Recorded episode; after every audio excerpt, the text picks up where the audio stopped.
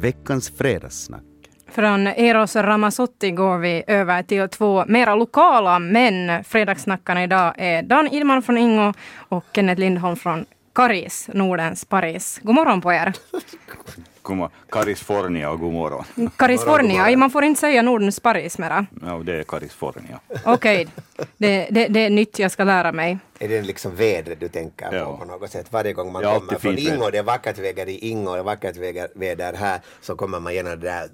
Det är alltid fint väder i Karis. Solen skiner alltid där. No, det är tydligen där man ska vara i helgen då, för det lovas mycket regn. Hej, eh, stadsfullmäktige i Raseborg så kan kanske tvingas ompröva det här beslutet gällande stängningarna av de här byskolorna.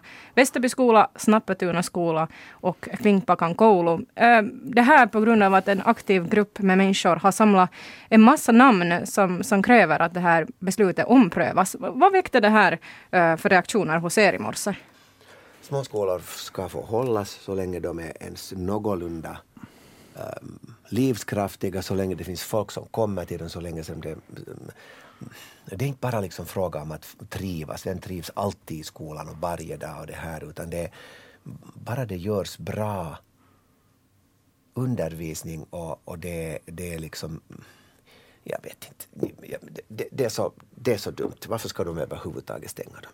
Ens Ja. börja med att tänka på det. Det, var ju, men det var en större, längre lista tidigare. Ja, och du sa ju dessutom här att så länge det finns barn Så och de här finns barn. byskolornas eh, elevunderlag så har ju faktiskt minskat i takt med urbaniseringen. Folk bor i tätorterna. Ja, det, det, ja, Jag vet inte, jag tycker att det är nog lite fel att de stänger de här små skolorna för att det är ju ändå ett visst sorts, vad heter det nu, en försprång för att om man vill ha en mer folk som flyttar hit eller kanske sånt här.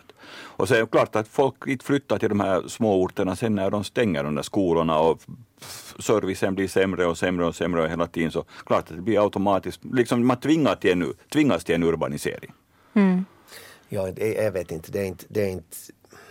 Det är inte allt det där att du har allt närmast. Nej. Och sen, där, skogen är väl väldigt, väldigt viktig också. Och sen är det väl mest, tycker jag, synd om så här, jag förstår att om de har någonting då när du går från femman och uppåt eller något sånt, med klasserna 1, 2, 3 och 4 så borde jag kunna få ha sådana små skolor.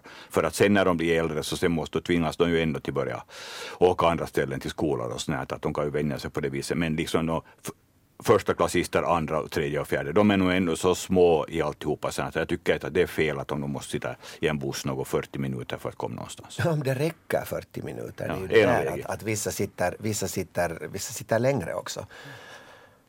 Jag tänkte här när du sa Kenneth om det här att, att eh, det inte lockar folk om vi inte har skolor på, på landsbygden. Å andra sidan så där säger ju motargumentet, de som, som tycker att det är helt okej, så säger att, att det har inte lockat så mycket folk nu heller i och med att, att elevundertalet har minskat. Så det är ju lite sådär man lägger på, på vågen hur man, hur man tittar på det. Men hur tror ni då att det går nu? Jag menar det är inte eh, kom- Kommunallagen säger att om ett eh, initiativ får tillräckligt med, med liksom invånare att skriva under så, så bör det behandlas. Men det här ärendet har ju redan behandlats. Så det är lite oklart där ännu. Att, att, men de här i alla fall som har börjat med den här namninsamlingen, de här jätteaktiva byborna, så de hoppas ju att det ska leda till omprövning. Men vad har tror vi, ni? Har vi en procent, ett procentantal på hur många gånger sånt här har hjälpt?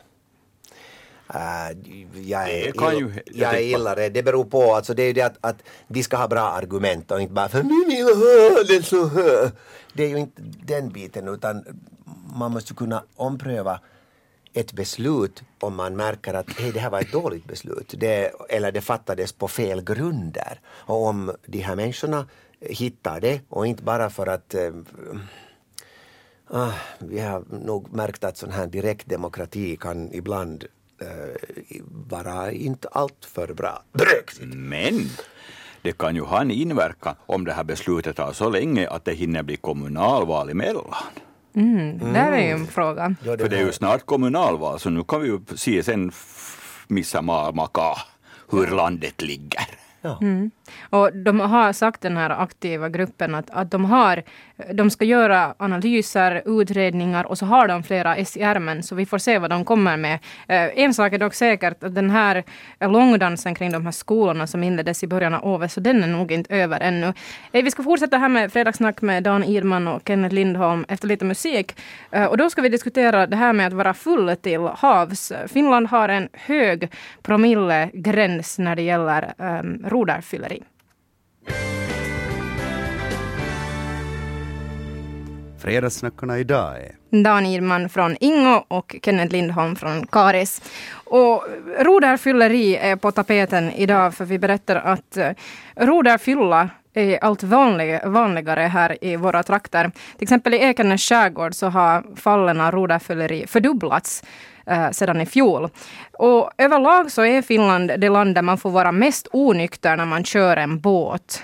Och, och det här är liksom 1,0 promille gränsen när man är kapten på en båt. Och kör du en bil så är det 0,5. Är det här smart? Nej. Nej. Sådär, nästa. Nej, nu får ni ju lite motivera era Ja, åsikter ja, här. nej, nej, nej, jag tycker att det borde vara precis samma sak som det är med bil. Och de skulle kunna till och med sänka bil till någon 0,4 eller 0,3 för att, att alkohol, på, alkohol och trafik hör inte ihop. nej. Nej, Så nej, innan nej, nej, vi fortsätter nej, nej, nej. snacket så Ja. tar vi en klunk. Ja, men, men är ni själv båtförare? Kör ni båt? Tycker ni att Nej. det är lättare att manövrera en båt än att manövrera en bil?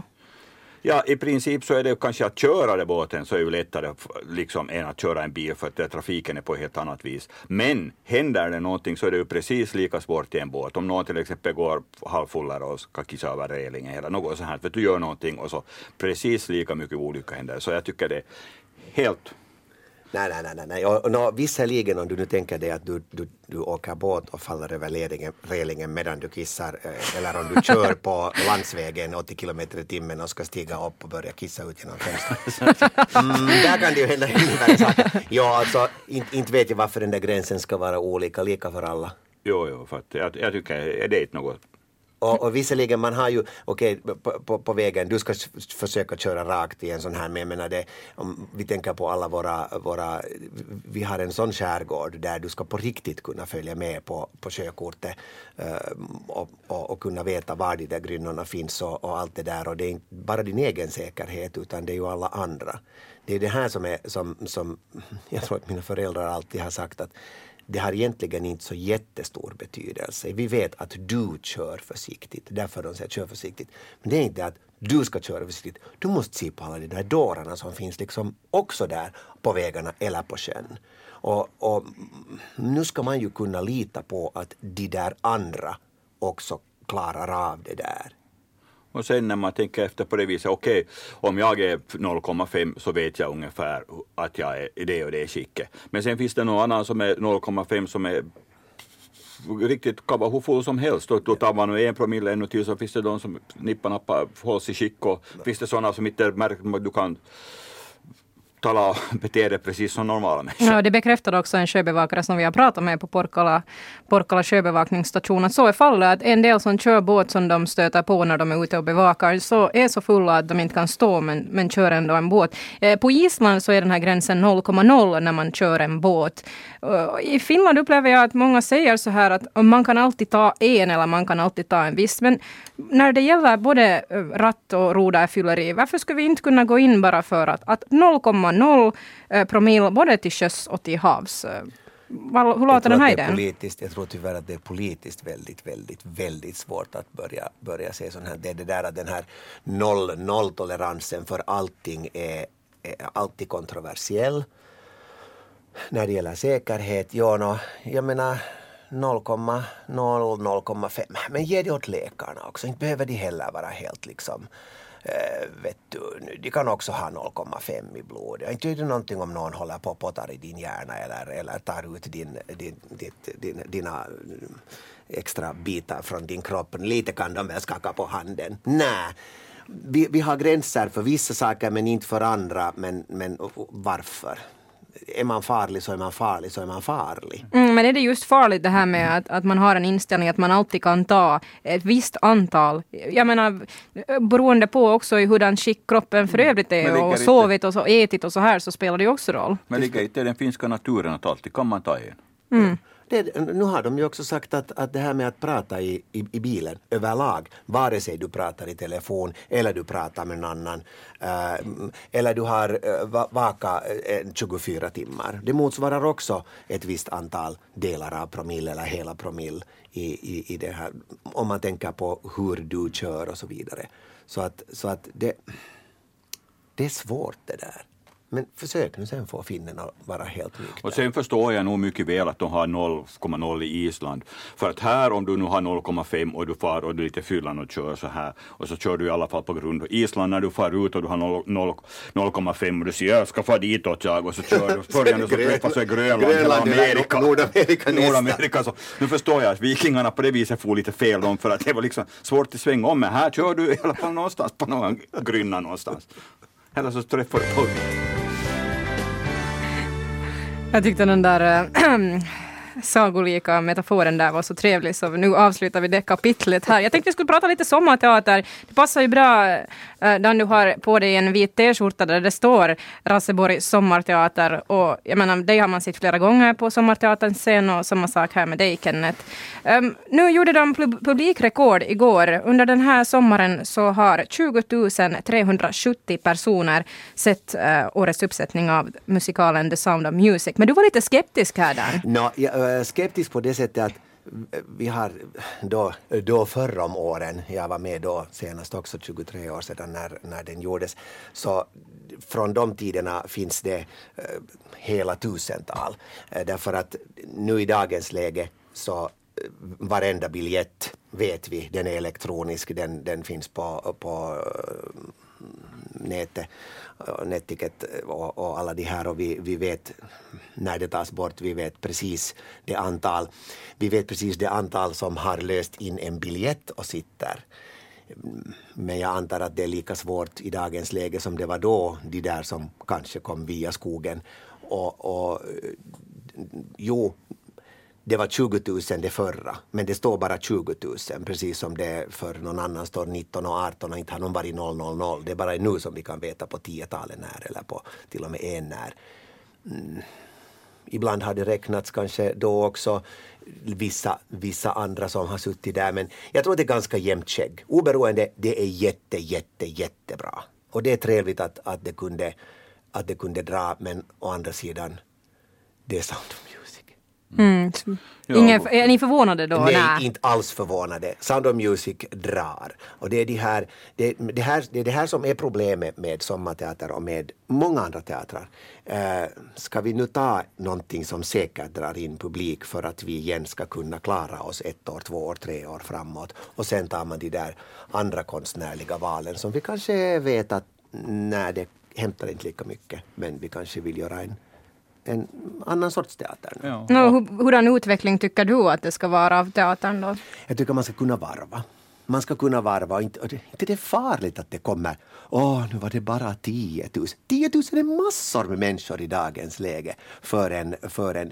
De andra teatrarna, det ryms inte så många människor in och de är jätteglada för, oh nu fick vi in 8 000, nu fick vi in det ena och det Ja, andra. när vi, är så, vi är så vana här bara. Närpes var jättebemötta, de hade 4800 att se dem. Och de bestämde sig för att det var en succé att de har, Ja. kör, spelar samma pjäs nästa år. Ja.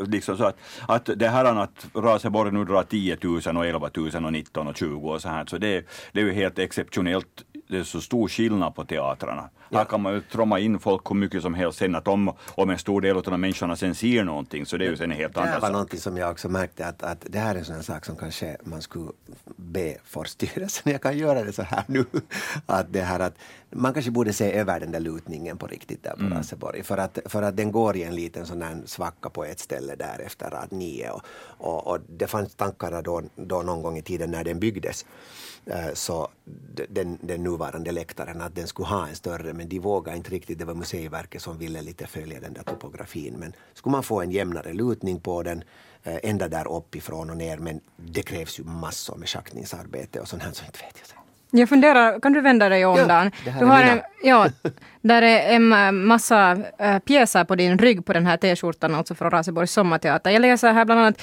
äh, Mio min Mio, Trollkarlen från Oz, Robin Hood, Ringaren i Notre Dame, äh, Grease var också en, en stor succé i tiderna. Äh, vad tror ni nu om nästa år då? Det kommer att vara den här musikalen Foot, Footloose.